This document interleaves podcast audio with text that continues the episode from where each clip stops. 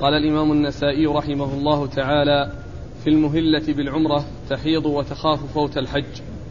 قال أخبرنا قتيبة قال حدثنا الليث عن أبي الزبير عن جابر بن عبد الله رضي الله عنهما أنه قال أقبلنا مهلين مع رسول الله صلى الله عليه وآله وسلم بحج مفرد وأقبلت عائشة رضي الله عنها مهلة بعمرة حتى إذا كنا بسرف عركت حتى إذا قدمنا طفنا بالكعبة وبالصفا والمروة فأمرنا رسول الله صلى الله عليه وآله وسلم أن يحل منا من لم يكن معه هدي. قال فقلنا حل ماذا؟ قال الحل كله. فوقعنا النساء وتطيبنا بالطيب ولبسنا ثيابنا وليس بيننا وبين عرفة إلا أربع ليال. ثم أهللنا يوم التروية. ثم دخل رسول الله صلى الله عليه صلى الله عليه وآله وسلم على عائشة فوجدها تبكي. فقال ما شأنك؟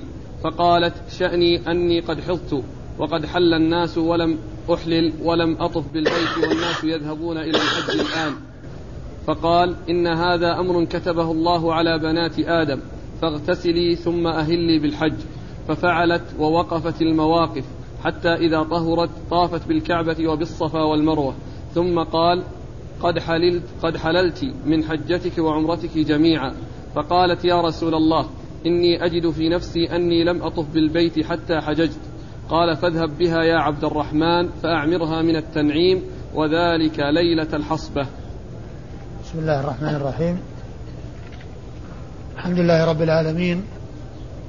وصلى الله وسلم وبارك على عبده ورسوله نبينا محمد وعلى آله وأصحابه أجمعين. أما بعد يقول النسائي رحمه الله المهلة بالعمرة تحيض وتخاف فوت الحج يعني ماذا تصنع؟ المهلة الذي أحرمت التي أحرمت بعمرة ولكن وقت الحج وصل وهي لم تطهر ولم تتمكن من أداء عمرتها قبل الحج والحج قد وصل فماذا تصنع؟ تصنع بأن تدخل الحج على العمرة فتصير قارنة. تدخل الحج على العمرة فتصير بذلك قارنة. لأن الإحرام بالعمرة حصل من الميقات وهو باقي مستمر. لا يرفض ولا يترك وإنما يضاف إليه إحرام آخر. يضاف إليه إحرام بنسك آخر. يضم إليه. والإحرام باق على ما هو عليه في العمرة. أضيف إليها حج فصار قرانا بعد أن كان تمتعا. وقد أورد النسائي حديث عائشة رضي الله تعالى عنها وأرضاها حديث جابر بن عبد الله رضي الله تعالى عنه في قصة عائشة رضي الله تعالى عنها وأرضاها. قال جابر رضي الله عنه خرجنا مع رسول الله صلى الله عليه وسلم مهلين بالحج يقصد بذلك بعضهم وليس كلهم لأن فيهم القارن وفيهم المفرد وفيهم المتمتع ولكنه يحكي عما حصل لبعضهم أو لكثيرهم ومنهم جابر رضي الله تعالى عنه أنهم كانوا مهلين بالحج. أقول فيهم من هو مهل بالحج ومنهم جابر. قال وكانت عائشة مهلة بعمرة أي أنها متمتعة. وقد عرفنا أن النبي عليه الصلاة والسلام خير الناس بين الأنساك الثلاثة الإفراد والقران والتمتع. ولما وصلوا إلى مكة أمر النبي صلى الله عليه وسلم الذين كانوا مهلين بالحج أو بالحج مع العمرة مفردين أو قارنين أن يتحولوا إلى عمرة وأن يكونوا متمتعين. وإذا طافوا يطوفون ويسعون للعمرة ويقصرون من رؤوسهم ويتحللون. قالوا حل ماذا حل ماذا؟ يعني أي حل؟ قال الحل كله. يعني معناه أنهم إذا حلوا من العمرة فقد حل لهم كل شيء حرم عليهم بالإحرام. قال فتطيبنا ولبسنا الثياب وأتينا النساء. يعني معناه كل شيء كان حراما عليهم بسبب الإحرام بعد هذا التحلل حل لهم. وكانت عائشة رضي الله عنها وأرضاها قد عركت أي حاضت أصابها الحيض. وقد مر أن ذلك كان بسرف يعني قبل وصولهم إلى مكة. فالنبي صلى الله عليه وسلم دخل على عائشة وهي تبكي. قال ما لك؟ فأخبرته عما حصل لها وعما هي عليه وأن الحج وصل آه، آه، يعني آه، دخل الآن وهي لم تطهر فالنبي صلى الله عليه وسلم أمرها أن تغتسل وأن تهل بالحج أي تدخله على العمرة. وليس معنى ذلك أنها ترفض العمرة أو تفسخ العمرة إلى حج فالعمرة لا تفسخ إلى حج وإنما العمرة يضاف إليها حج. فبدل أن تكون محرمة بعمرة وحدها تضيف إليها حجا فتصير قارنة. جامعة بين الحج والعمرة. فتصير بذلك قارنة جامعة بين الحج والعمرة. ففعلت رضي الله تعالى عنها ما أرشدها به رسول الله صلى الله عليه وسلم. ولما فرغوا من حجهم تقرأ من أوله؟ نعم. عن جابر بن عبد الله رضي الله عنهما أنه قال أقبلنا مهلين مع رسول الله صلى الله عليه وآله وسلم بحج مفرد وأقبلت عائشة مهلة بعمرة حتى إذا كنا بسرف عركت حتى إذا قدمنا طفنا بالكعبة وبالصفا والمروة فأمرنا رسول الله صلى الله عليه وآله وسلم أن يحل منا من لم يكن معه هدي. قال فقلنا حل ماذا؟ قال الحل كله. فواقعنا النساء وتطيبنا بالطيب ولبسنا ثيابنا وليس بيننا وبين عرفة إلا أربع, أربع ليال. ثم أهللنا يوم التروية. ثم جابر بن عبد الله رضي الله عنه أخبر بأنهم آه، طافوا وسعوا والنبي عليه الصلاة والسلام أمرهم بأن يتحللوا أي كل من كان قارنا مفردا وليس معه هدي. وسألوه عن الحل ماذا أي حل؟ فأخبرهم بأنه الحل كله ولهذا أخبر بأنهم فعلوا هذه الأشياء المحظورة على المحرم. قال فوقعنا النساء ولبسنا الثياب وتطيبنا بالطيب. وكل هذه لا تجوز للمحرم بل لما تحلل تحللوا من الإحرام بكونهم طافوا وسعوا وقصروا حل لهم كل شيء كان حراما عليهم بالإحرام. فتمتعوا. وهذا هو التمتع لأنهم تمتعوا بين الحج والعمرة. بأن آه، أتوا كل ما كانوا ممنوعين منه. ولما جاء اليوم الثامن ولما جاء اليوم الثامن أحرموا بالحج. أي الذين كانوا متمتعين. الذين أحلوا الذين حلوا من إحرامهم. دخلوا في الإحرام وعادوا إليه يوم, يوم في اليوم التروية اليوم الثامن. عادوا إليه في اليوم الثامن. هؤلاء المتمتعون. أما القارنون والمفردون الذين معهم الهدي فهؤلاء باقون على إحرامهم إلى يوم النحر حيث ترمى الجمرة ويحلق الرأس ثم يحصل التحلل الأول الذي يحل معه كل شيء إلا النساء. أيوة. ثم دخل رسول الله صلى الله عليه وآله وسلم على عائشة فوجدها تبكي. فقال ما شأنك؟ فقالت شأني أني قد حطت وقد حل الناس ولم, أح ولم أحلل ولم أطف بالبيت والناس يذهبون إلى الحج الآن. فأخبرت عائشة رضي الله عنها بالذي حصل لها وأنها يعني حصل لها ما حصل من الحيض وأنها لم تطف كما طاف الناس وتسعى كما سعى الناس وتحلل كما حل الناس تحلل آه، آه، تحلل من عمرتها كما فعل الناس. فالنبي صلى الله عليه وسلم قال إن هذا شيء كتبه الله على بنات آدم يعني الحيض. وهذا شيء لا تملكه النساء ولا يرجع إلى إرادتها ومشيئتها. فهذا خارج عن المشيئة والإرادة. وعليها أن تدخل الحج أن تغتسل وأن تحرم بالحج فتدخله على العمرة.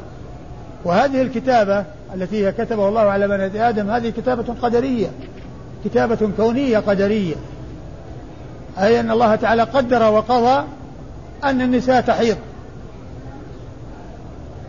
والكتابة تأتي لمعنى كوني ولمعنى شرعي. المعنى الكوني هو مثل هذه هذا الحديث. شيء كتبه الله على بنات آدم. أنهن يحضن. وأما الكتابة الشرعية فهي التكليف. التكليف والفرض. كتب عليكم الصيام. أي فرض مكلفين بالصيام. مطالب العبد بأنه يفعل. كتب عليكم القصاص في القتلى كتبنا عليهم فيها أن النفس بالنفس والعين بالعين. هذه كتابة شرعية. فالكتابة الشرعية تكليف. والناس مطالبون بأن يأتوا ما كلفوا به. بأن يأتوا ما كلفوا به.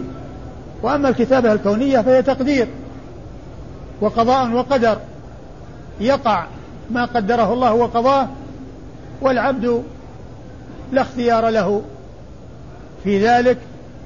أي تلك الكتابة القدرية لأنه ما شاء الله كان وما لم يشأ لم يكن. فالحيض لا اختيار للإنسان فيه. لا اختيار للمرأة فيه فهو خارج عن إرادتها ومشيئتها وهو شيء مقدر عليها وهو شيء مقدر عليها. وهي كلمات عديدة تأتي لمعنى كوني ولمعنى شرعي منها الكتابة ومنها الأمر ومنها التحريم ومنها الإذن ومنها الكلمات آه، ومنها القضاء. أشياء عديد ألفاظ عديدة تأتي لمعنى كوني ولمعنى شرعي. وقد ذكرها ابن القيم رحمه الله في كتابه شفاء العليل فيما يتعلق بمسائل القدر وأورد بابا يخص هذا الموضوع فذكر تلك الكلمات التي تأتي لمعنى كوني ولمعنى شرعي. التي تأتي لمعنى كوني ولمعنى شرعي. وهذه منها التي هي الكتابة. كتابة قدرية مثل ما جاء في هذا الحديث ومثل قول الله عز وجل قل لن يصيبنا إلا ما كتب الله لنا أي ما قدره الله علينا وقضاء فإنه يقع لنا ويصيبنا والشيء الذي ما قدره الله علينا ولم يقضه فإنه لا يوجد ولا يكون. وعقيدة المسلمين مبنية في القضاء والقدر على كلمتين ما شاء الله كان وما لم يشأ لم يكن. ما شاء الله كان وما لم يشأ لم يكن. فكل شيء شاءه الله وقدره لا بد من وجوده ولا يمكن أن يتخلف. وكل شيء لم يشأه الله ولم يقدره فإنه لا يمكن أن يوجد. وقد جاء ذلك مبينا في حديث ابن عباس في وصية النبي صلى الله عليه وسلم ابن عباس. واعلم أن الأمة لو اجتمعوا على أن ينفعوك لم ينفعوك إلا بشيء قد كتبه الله لك. ولو اجتمعوا على أن يضروك لم يضروك إلا بشيء قد كتبه الله عليك رفعت الأقلام وجفت الصحف. رفعت الأقلام وجفت الصحف. هذا شيء كتبه الله على بني آدم يعني بنات آدم يعني قدره وقضاه. ولا اختيار لهن في ذلك. ولا اختيار لهن في كون الحيض يأتي أو لا يأتي. هذا شيء خارج عن إرادتهن وعن مشيئتهن. أيوه. فقال إن هذا أمر كتبه الله على بنات آدم فاغتسلي. ثم أهلي بالحج. اغتسلي يعني للإحرام. وهذا يدل على الاغتسال للإحرام. وأن الإنسان عندما يريد أن يغتسل يحرم يغتسل. فهو مستحب وسنة من سنن الإحرام أن الإنسان يغتسل قبل أن يدخل في الإحرام. وقد سبق أن مر بنا باب يعني يتعلق بهذا الموضوع اغتسال المحرم. ومر فيه حديث أسمى بنت آه، عميس التي ولدت ابنها محمد بن أبي بكر في ذي الحليفة وسألت الرسول صلى الله عليه وسلم فأمرها أن تغتسل وأن تهل. فهذا يدل على الغسل عند الإحرام وحديث عائشة هذا أيضا يدل على الغسل عند الإحرام. وعائشة محرمة ومستمرة في إحرامها لكن عند إحرامها بالحج الذي أضافته إلى العمرة. الذي أضافته إلى العمرة وصارت به قارنة. أيوة. ففعلت ووقفت المواقف حتى إذا طهرت طافت بالكعبة وبالصفا والمروة. ففعلت عائشة رضي الله عنها ووقفت المواقف وقفت في عرفة ومزدلفة وجاءت إلى منى و ثم نزلت وطافت وسعت بين الصفا والمروة. طافت وسعت بين الصفا والمروة لحجها ولعمرتها. لحجها ولعمرتها. الطواف للحج والعمرة لطواف الإفاضة والسعي الذي بعده للحج والعمرة. فهي قارنة وحصل من وحصل لها في هذا الطواف والسعي الطواف للعمرة والحج والسعي للعمرة والحج. وهذا شأن القارن عليه طواف واحد وسعي واحد لحجه وعمرته. مثل المفرد عليه طواف واحد وسعي واحد لحجه. والقارن والمفرد لحجه وعمرته لأن النسكين مقرونان غير منفك واحد منهما عن الآخر. فالعمل في الطواف للاثنين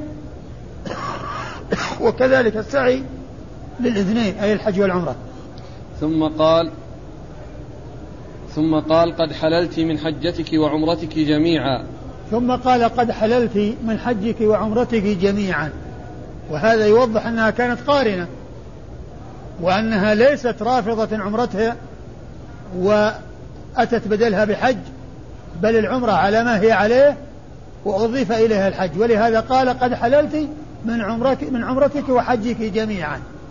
يعني معناه أنك كنت قارنة وأنك بفعلك هذا حيث طفت وسعيت وقبل ذلك رميت الجمرة وقصرت قد حللت من عمرتك وحجك جميعا. نعم.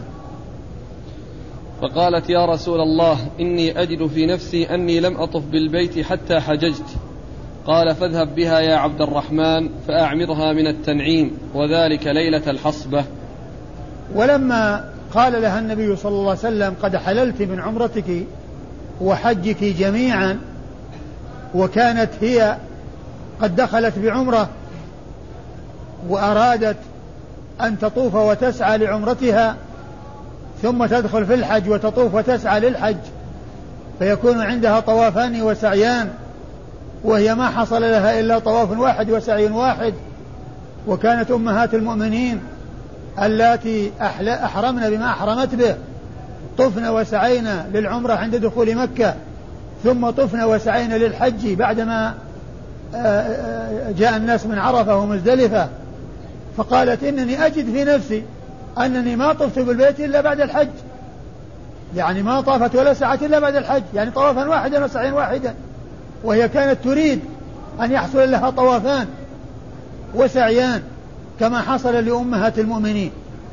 فقال لأخيها عبد الرحمن ابن أبي بكر اذهب بها إلى التنعيم لتعتمر وذلك ليلة الحصبة أي عندما نزلوا من منى ونزلوا في المحصب الأبطح في تلك الليلة التي بعد النزول من منى وقد جلسوا في تلك الليلة وباتوا هناك فأمر أخاها بأن يذهب بها ثم يأتون إليه لي ليسافروا.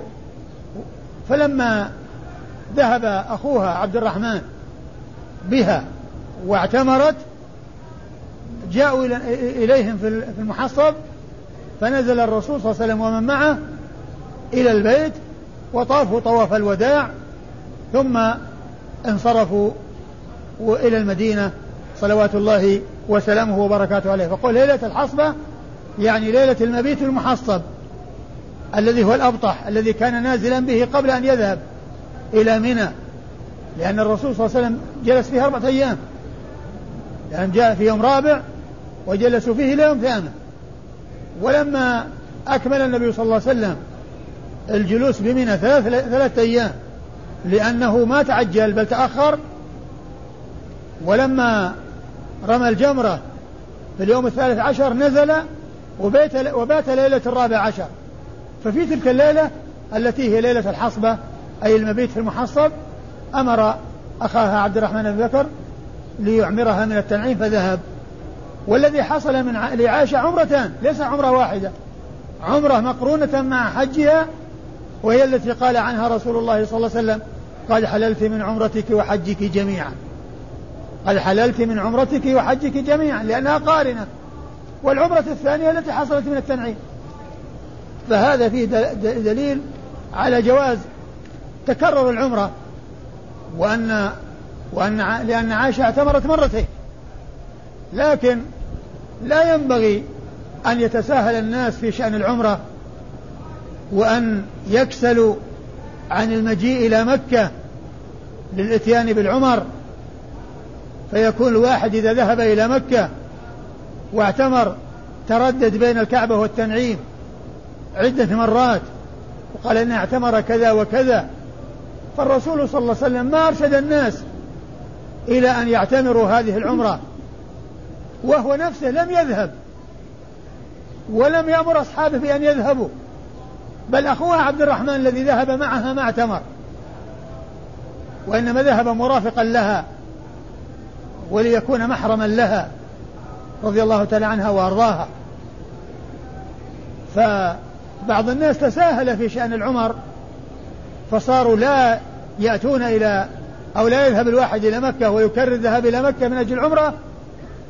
وإذا ذهب إلى مكة تردد بين الكعبة والتنعيم وأتى وقد يأتي في اليوم بخمس عمر أو عشر عمر أو أقل أو أكثر وهذا شيء لم يرشد إليه النبي صلى الله عليه وسلم وإنما من حصل له مثل ما حصل لعائشة فإن ذلك قد أرشد إليه الرسول صلى الله عليه وسلم أو شخص جاء وقد أحرم بحج ولم يسبق أن أحرم بعمرة ولم يسبق له أن اعتمر فهذا له أن يأتي بعمرة بعد الحج.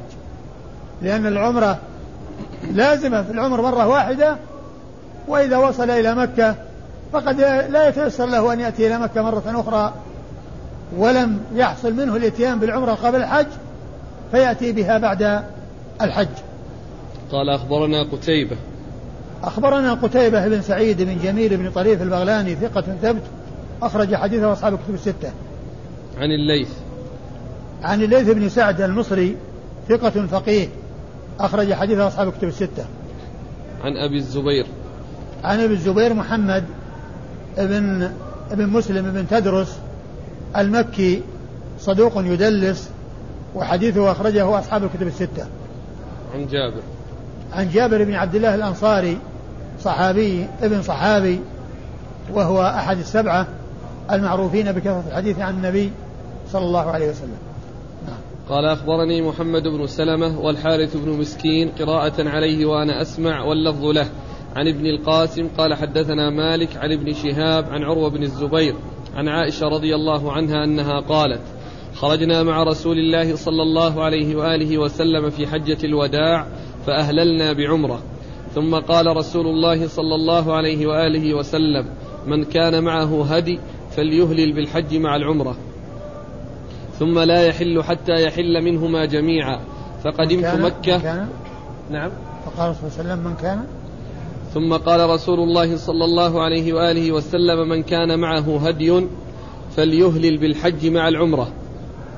نعم. ثم لا يحل منه ثم لا يحل حتى يحل منهما جميعا. فقدمت مكة وأنا حائض فلم أطف بالبيت ولا بين الصفا والمروة فشكوت ذلك إلى رسول الله صلى الله عليه وآله وسلم فقال انقضي رأسك وامتشطي وأهلي بالحج ودعي العمرة. ففعلت. فلما قضيت الحج أرسلني رسول الله صلى الله عليه وآله وسلم مع عبد الرحمن بن أبي بكر إلى التنعيم فاعتمرت. فقال هذه مكان عمرتك فطاف الذين أهلوا بالعمرة بالبيت وبين الصفا والمروة ثم حلوا. ثم طافوا طوافا آخر بعد بعد أن رجعوا من منى لحجهم. وأما الذين جمعوا الحج والعمرة فإنما طافوا طوافا واحدا. أورد النسائي حديث عائشة رضي الله عنها قالت خرجنا مع رسول الله صلى الله عليه وسلم مهلين بالعمرة. تقصد بذلك بعض الصحابة الذين منهم أمهات المؤمنين اللاتي دخلنا بالعمرة متمتعات. ومن المعلوم كما عرفنا آنفا أن الذين أن الصحابة مع رسول الله صلى الله عليه وسلم منهم من أهل بعمرة ومنهم من أهل بحج ومنهم من أهل بقران. جمع بين الحج والعمرة. فقول عائشة هذا مثل قول جابر المتقدم. قال أهللنا بالحج بحج مفرد. يقصد هو ومن كان مثله. وليس كل الحجاج. وهنا قول عائشة كذلك أهللنا بعمرة أي هي ومن كان مثلها وغيرها ممن كانوا متمتعين لأن الحجاج كانوا ثلاثة أقسام قسم متمتع وقسم قارن وقسم مفرد. وقوله أهل قوله أهلنا ليس لجميع الحجاج وقول جابر الذي تقدم مهلين بحج مفرد ليس لجميع الحجاج وإنما حكاية عن من كان مهلا مثلها. فجابر يحكي عن نفسه ومن كان مثله وعائشة تحكي عن نفسها ومن كان مثلها. وليس ذلك حكاية عن عن الحجاج جميعا لأنه من المعلوم أن النبي صلى الله عليه وسلم كان قارنا. وفيهم من كان قارن وفيهم من هو مفرد وفيهم من هو. من هو متمتع. نعم. قالت عائشة نعم. قالت خرجنا مع رسول الله صلى الله عليه وآله وسلم في حجة الوداع فأهللنا بعمرة. ثم قال رسول الله صلى الله عليه وآله وسلم من كان معه هدي فليهلل بالحج مع العمرة. الرسول صلى الله عليه وسلم أرشد الذين معهم هدي أن يكونوا قارنين جامعين بين الحج والعمرة. لا يكونون متمتعين ومعهم الهدي لأن الهدي لا بد وأن يستمر إلى أن يبلغ الهدي محله وهو يوم العيد وهو يوم العيد. فأمر من كان معه هدي أن يكون إهلاله بحج وعمرة كما فعل رسول الله صلى الله عليه وسلم حيث كان قارنا صلوات الله وسلامه وبركاته عليه. نعم. ثم لا يحل حتى يحل منهما جميعا. ثم لا يحل من إحرامه حتى يحل منهما جميعا. لأنهما مقرونان مع بعض. وذلك يوم العيد حيث ترمى الجمرة ويحلق الرأس ثم بعد ذلك يحصل التحلل من العمرة والحج مع بعض. التحلل الأول والتحلل الأخير بعد طواف الإفاضة. نعم. فقدمت مكة وأنا حائض فلم أطف بالبيت ولا بين الصفا والمروة. فشكوت ذلك إلى رسول الله صلى الله عليه وآله وسلم فقال انقضي رأسك وامتشطي وأهلي بالحج ودعي العمرة. ففعلت. فالرسول صلى الله عليه وسلم أمرها بأن أن تنقض رأسها وأن تمتشط وأن تدع العمرة أي تدع أعمالها. وليس معنى ذلك أنها ترفضها وتتركها وتتخلى عنها. وتبدلها بحج لا. وإنما المقصود أنها ترفض أعمالها أو تترك أعمالها لأنه لا يمكنها أن تأتي بأعمالها اللي هي الطواف والسعي لأنها حائض. فتدع العمرة أي تدع أعمالها لأنه لا سبيل إلى الاتيان بها. لا سبيل إلى الاتيان بها. وتنقض رأسها وتمتشط ويعني فقيل إن هذا شيء يعني يكون خفيفا لا يسقط معه شعر أو أن المقصود منه أنها تخلل رأسها بأصابعها حتى لا يسقط شعر لأنها لا تزال معتمر لا تزال الإحرام لأنها محرمة. أكثر ما في الأمر أنها ستضيف حجا إلى عمرة وليست معنى ذلك أنها قد انتهت من العمرة ورفضت العمرة وتحللت من العمرة لا بل هي باقية على العمرة. فأمرها أن تمتشط وأن تغتسل وت... و... و... وأن تنقض شعرها و... ثم تحرم بالحج وتضيف إليها. وأما قول دع العمرة أي تدع أعمالها وليس معنى ذلك أنها تدع الإحرام بها وتلغيه. فالله تعالى يقول وأتم الحج والعمرة لله. فمن دخل في نسك فعليه أن يتمه وهي دخلت العمرة فعليها فعليها أن تتمها. ولكنها لم تتمكن فأمرت بأن تدع أعمال العمرة لأنه لا سبيل إليها وأن تدخل الحج عليها فتصير بذلك قارنة. أيوة.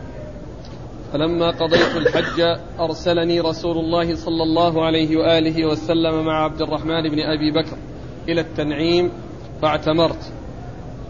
فقال هذه مكان عمرتك. يعني هذه مكان العمرة التي كانت أرادتها. وإلا فإن العمرة قد حصلت ووجدت كما عرفنا ذلك في الحديث المتقدم.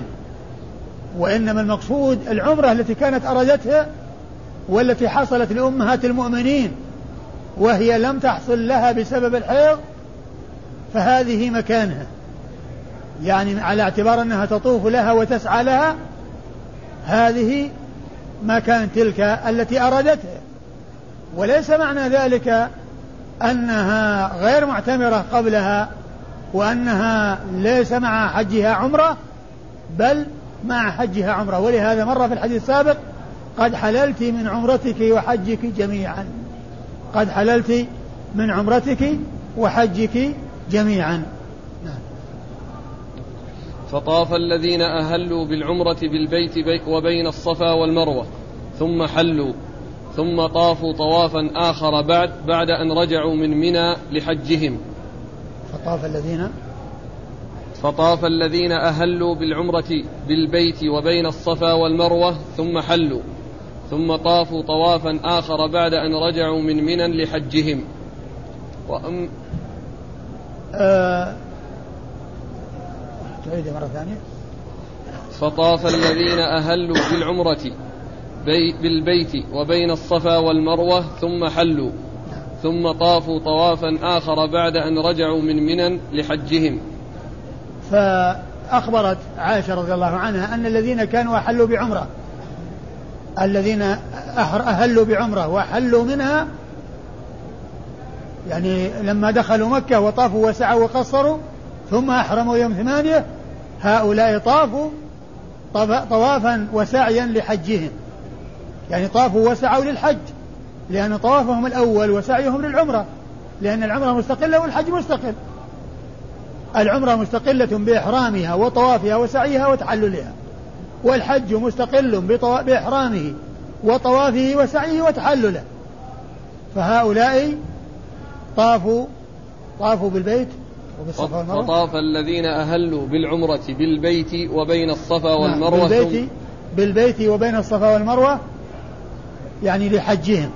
أيوة. لعمرتهم ثم حلوا. لعمرتهم. اي الأول للعمرة. أيوه. لا اللفظ هكذا لعمرتهم. فقال لا قال فقا فطاف الذين أهلوا بالعمرة. نعم. بالبيت وبين الصفا والمروة ثم حلوا.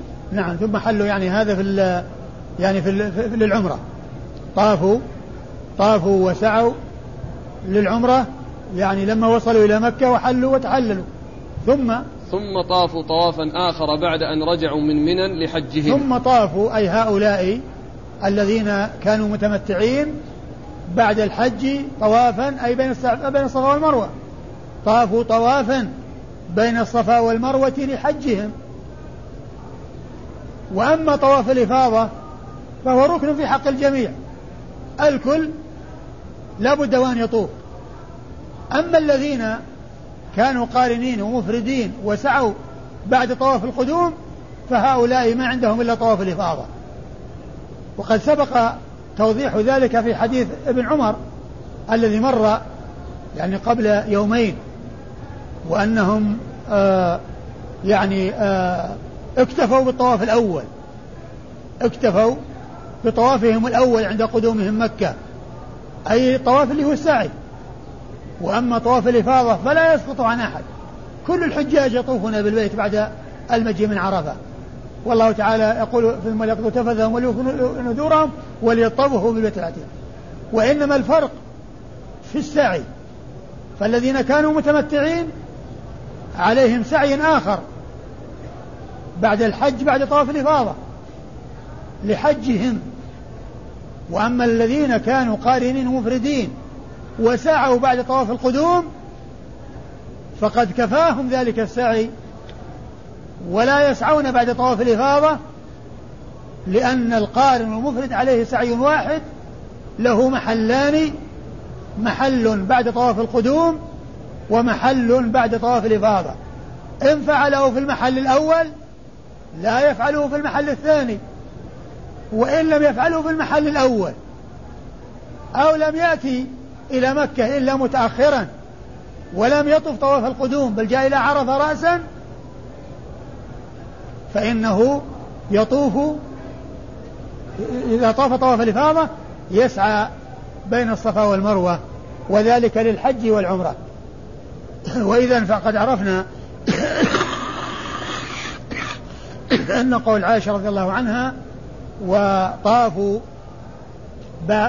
طافوا آه، طوافا آخر لحجهم أي سعوا بين الصفا والمروة. هذا خاص بالمعتمرين المتمتعين لأن عليهم طوافان وسعيان طواف وسعي للعمرة أول الأمر وطواف وسعي للحج في آخر الأمر. و آه، آه، بعدما يطوفون طواف الإفاضة يسعون للحج وأما القارنون والمفردون فهؤلاء ليس عليهم إلا سعي واحد ولهذا قال هنا وقد طافوا لحجهم أي سعوا لحجهم. وليس طواف الإفاضة لأن طواف الإفاضة ركن في حق جميع الحجاج. كل الحجاج يطوفون طواف الإفاضة ولا يسقط طواف الإفاضة عن أي حاج. ولكن السعي هو الذي إذا أتى به القارن والمفرد بعد طواف القدوم كفاه وأغناه عن أن يأتي به بعد الحج. وأما الذين جمعوا الحج والعمرة فإنما طافوا طوافا واحدا. وأما الذين جمعوا الحج والعمرة فإنما طافوا طوافا واحدا أي سعوا سعيا واحدا يعني عند دخولهم مكة بعد طواف القدوم. سعوا سعيا واحدا بعد طواف القدوم ولم يسعوا بعد طواف الإفاضة. ولم يسعوا بعد طواف الإفاضة. قال أخبرني المراد بالطواف هو السعي وليس المقصود بطواف الإفاضة لأن طواف الإفاضة ركن في حق جميع الحجاج وإنما الفرق في السعي فقط.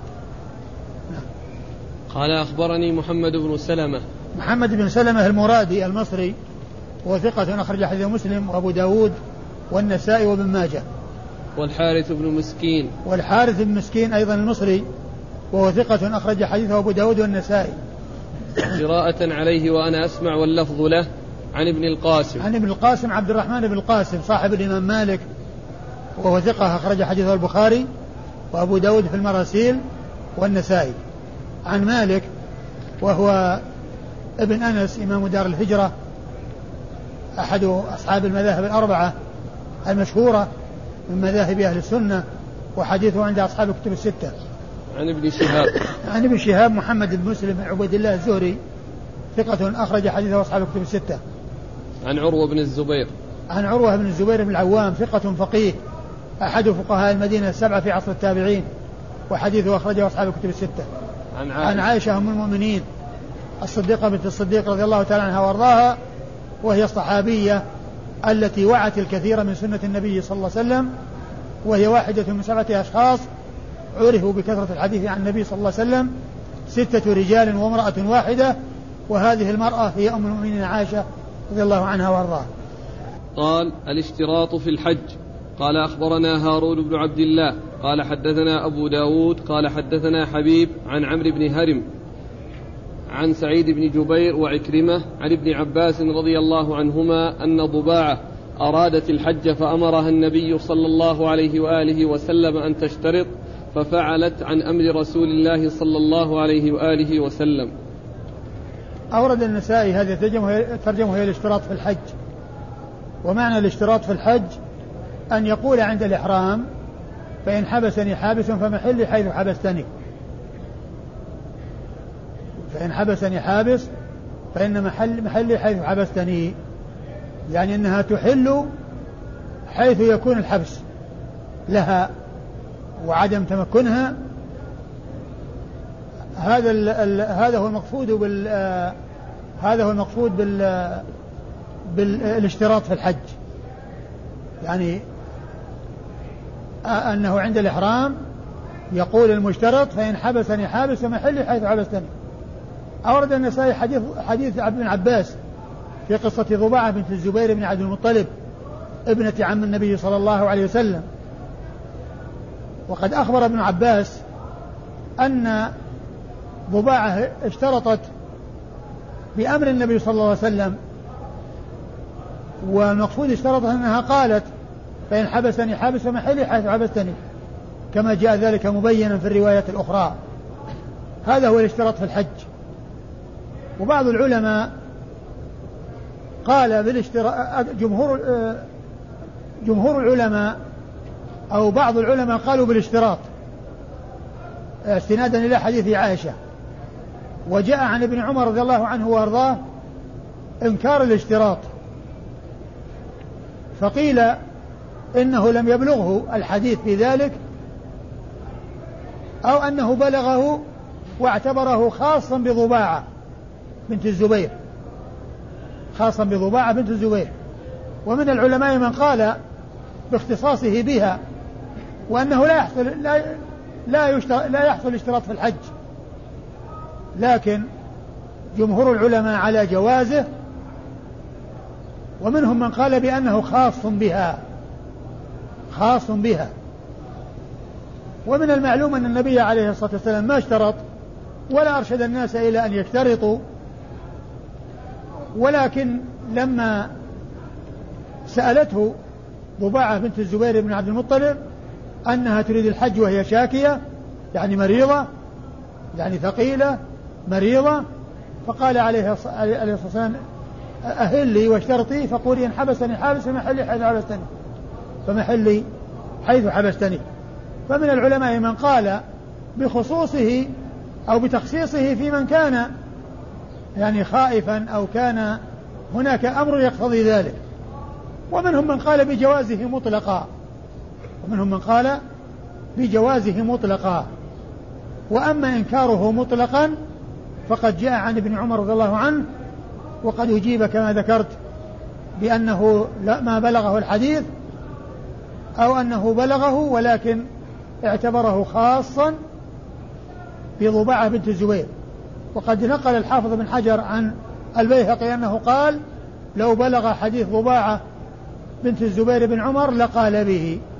لو بلغ حديث ضباعة بنت الزبير قصة ضباعة بنت الزبير بن عمر لقال به. يعني أنه إما ما بلغه الحديث أو أنه بلغه كما واعتبره خاصا بضباعة بنت الزبير وليس لغيرها من الناس. لكن كما هو معلوم آه الأحكام لا تخص من كان سببها بل خطاب الرسول صلى الله عليه وسلم لواحد خطاب للأمة وخطاب للجميع إلا إذا جاء دليل يدل على الخصوص.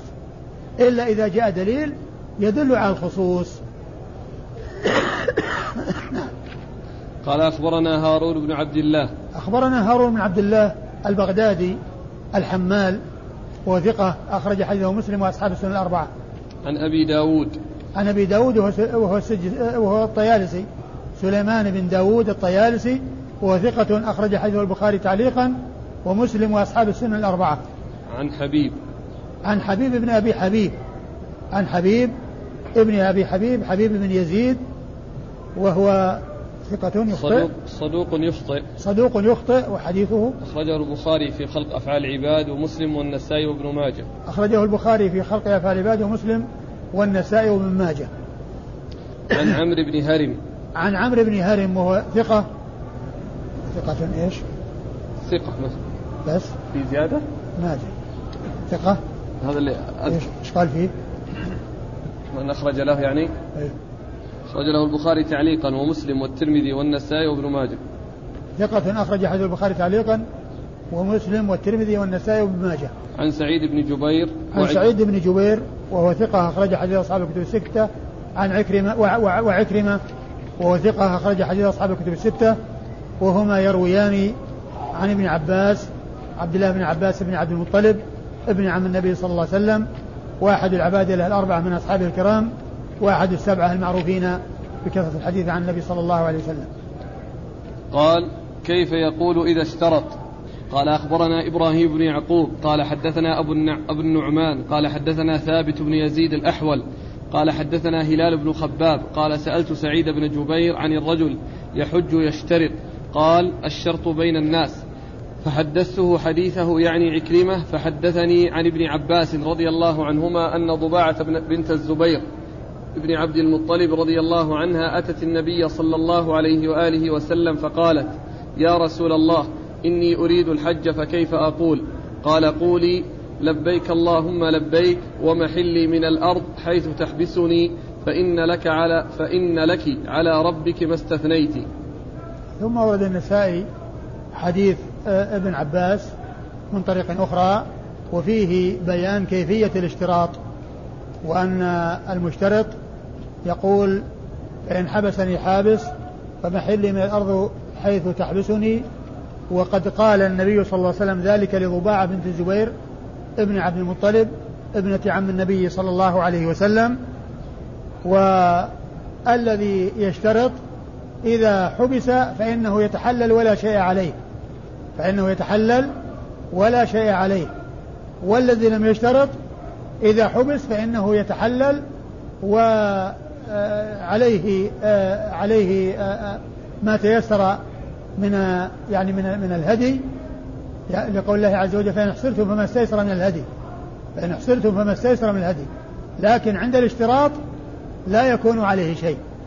وبدون الاشتراط فإنه يكون عليه هدي. قال أخبرنا إبراهيم بن يعقوب. أخبرنا إبراهيم بن يعقوب إبراهيم بن يعقوب الجوزجاني. وهو ثقة أخرج حديثه آه، أبو داود والترمذي والنسائي. نعم.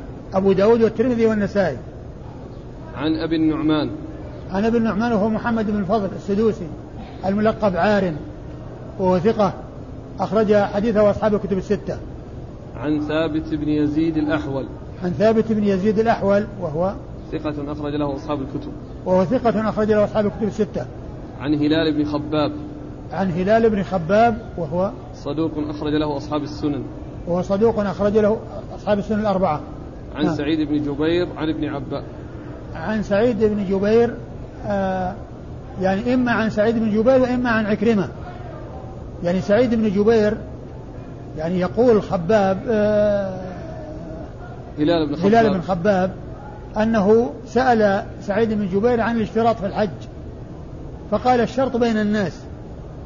الشرط بين الناس فهذا يحتمل احتمالين أن يكون يعني الشرط يعني مثل الشرط بين الناس وعلى هذا فيكون اشتراط سائر أو ويحتمل احتمال آخر أن الشرط بين الناس ليس بين العبد وبين ربه فيكون غير سائغ فيكون غير سائغ أي الاشتراط.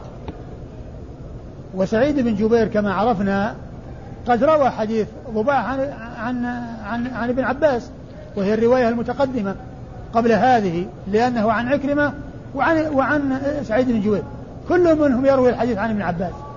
كل منهم يروي الحديث عن ابن عباس. و يعني عكرمة وعكرمة مولى ابن عباس ثقة أخرج حديث أصحاب الكتب الستة. لكن هل الحديث هنا من مسند ابن.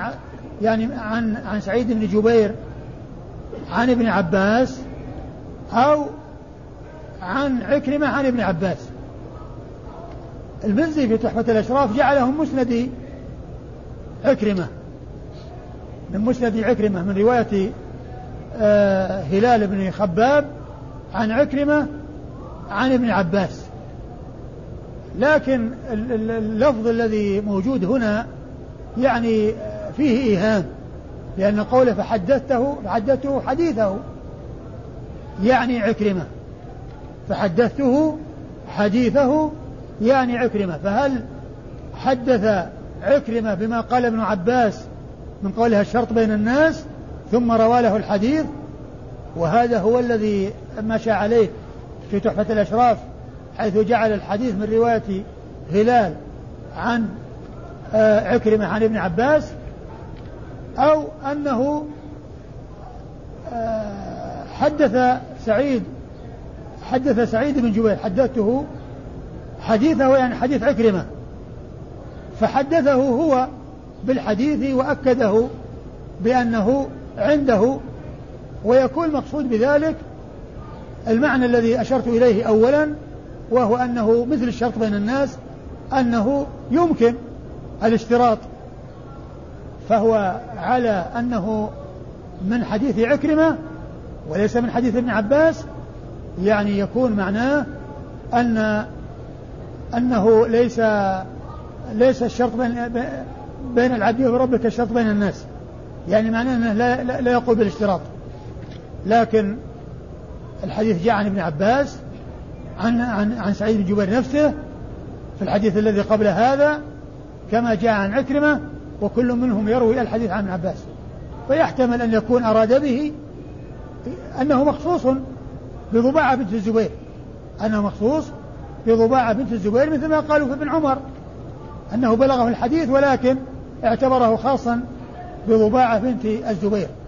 وفي تحفة وفي وفي وفي السنة الكبرى اللفظ يعني يشعر بأن الحديث إنما هو لعكرمة حيث قال فحدثته يعني عكرمة ما في حديثه. في تحفة السنة الكبرى فحدثته يعني عكرمة. فقال حدثني. فحدثته يعني عكرمة يعني حدث عكرمة يعني آه، بما قال ابن عباس فقال حدثني. وكما قلت لكم المزي في تحفة الأشراف مشى على أن الحديث من طريق هلال عن عكرمة عن ابن عباس. يكون الفاعل في فحدثته هلال؟ طبعا اللي حدثته هلال فاعل لكن المفعول هو الذي هل هو سعيد أو هل هو سعيد أو أو عكرمة. نعم. لكن الذي موجود في السنة الكبرى ما في حديثه وإنما في حدثته قال فحدثني. فحدثته يعني عكرمة. فيكون الضمير يرجع إلى عكرمة. قال أخبرنا عمران بن يزيد قال أخبرنا شعيب قال أخبرنا ابن جريج قال أخبرنا أبو الزبير أنه سمع طاووسا وعكرمة يخبران عن ابن عباس رضي الله عنهما أنه قال جاءت ضباعة بنت الزبير رضي الله عنها إلى رسول الله صلى الله عليه وآله وسلم فقالت يا رسول الله إني امرأة ثقيلة وإني أريد الحج فكيف تأمرني أن أهل؟ قال أهلي واشترطي أن محلي حيث حبستني. ثم ورد النسائي حديث ابن عباس من طريق أخرى وهو مثل ما تقدم والإسناد. أخبرنا عمران بن يزيد. عمران بن يزيد صدوق أخرج حديثه النسائي وحده. عن شعيب. عن شعيب بن إسحاق وهو ثقة أخرج حديثه وأصحاب أصحاب الكتب الستة إلا الترمذي. عن ابن جريج. عن ابن جريج عبد الملك بن عبد العزيز بن جريج المكي وهو ثقة أخرج حديثه أصحاب الكتب الستة. عن أبي الزبير. عن أبي الزبير قد مر ذكره. عن طاووس وعكرمة. عن طاووس بن كيسان وهو ثقة أخرج حديث أصحاب الكتب الستة وعكرمة وابن عباس مر ذكرهما. قال أخبرني إسحاق بن إبراهيم قال أخبرنا عبد الرزاق قال أخبرني معمر عن الزهري عن عروة عن عائشة وعن هشام بن عروة عن أبيه عن عائشة رضي الله عنها أنها قالت دخل رسول الله صلى الله عليه وآله وسلم على ضباعة فقالت يا رسول الله إني شاكية وإني أريد الحج. فقال لها النبي صلى الله عليه وآله وسلم حجي واشترطي أن محلي حيث تحبسني.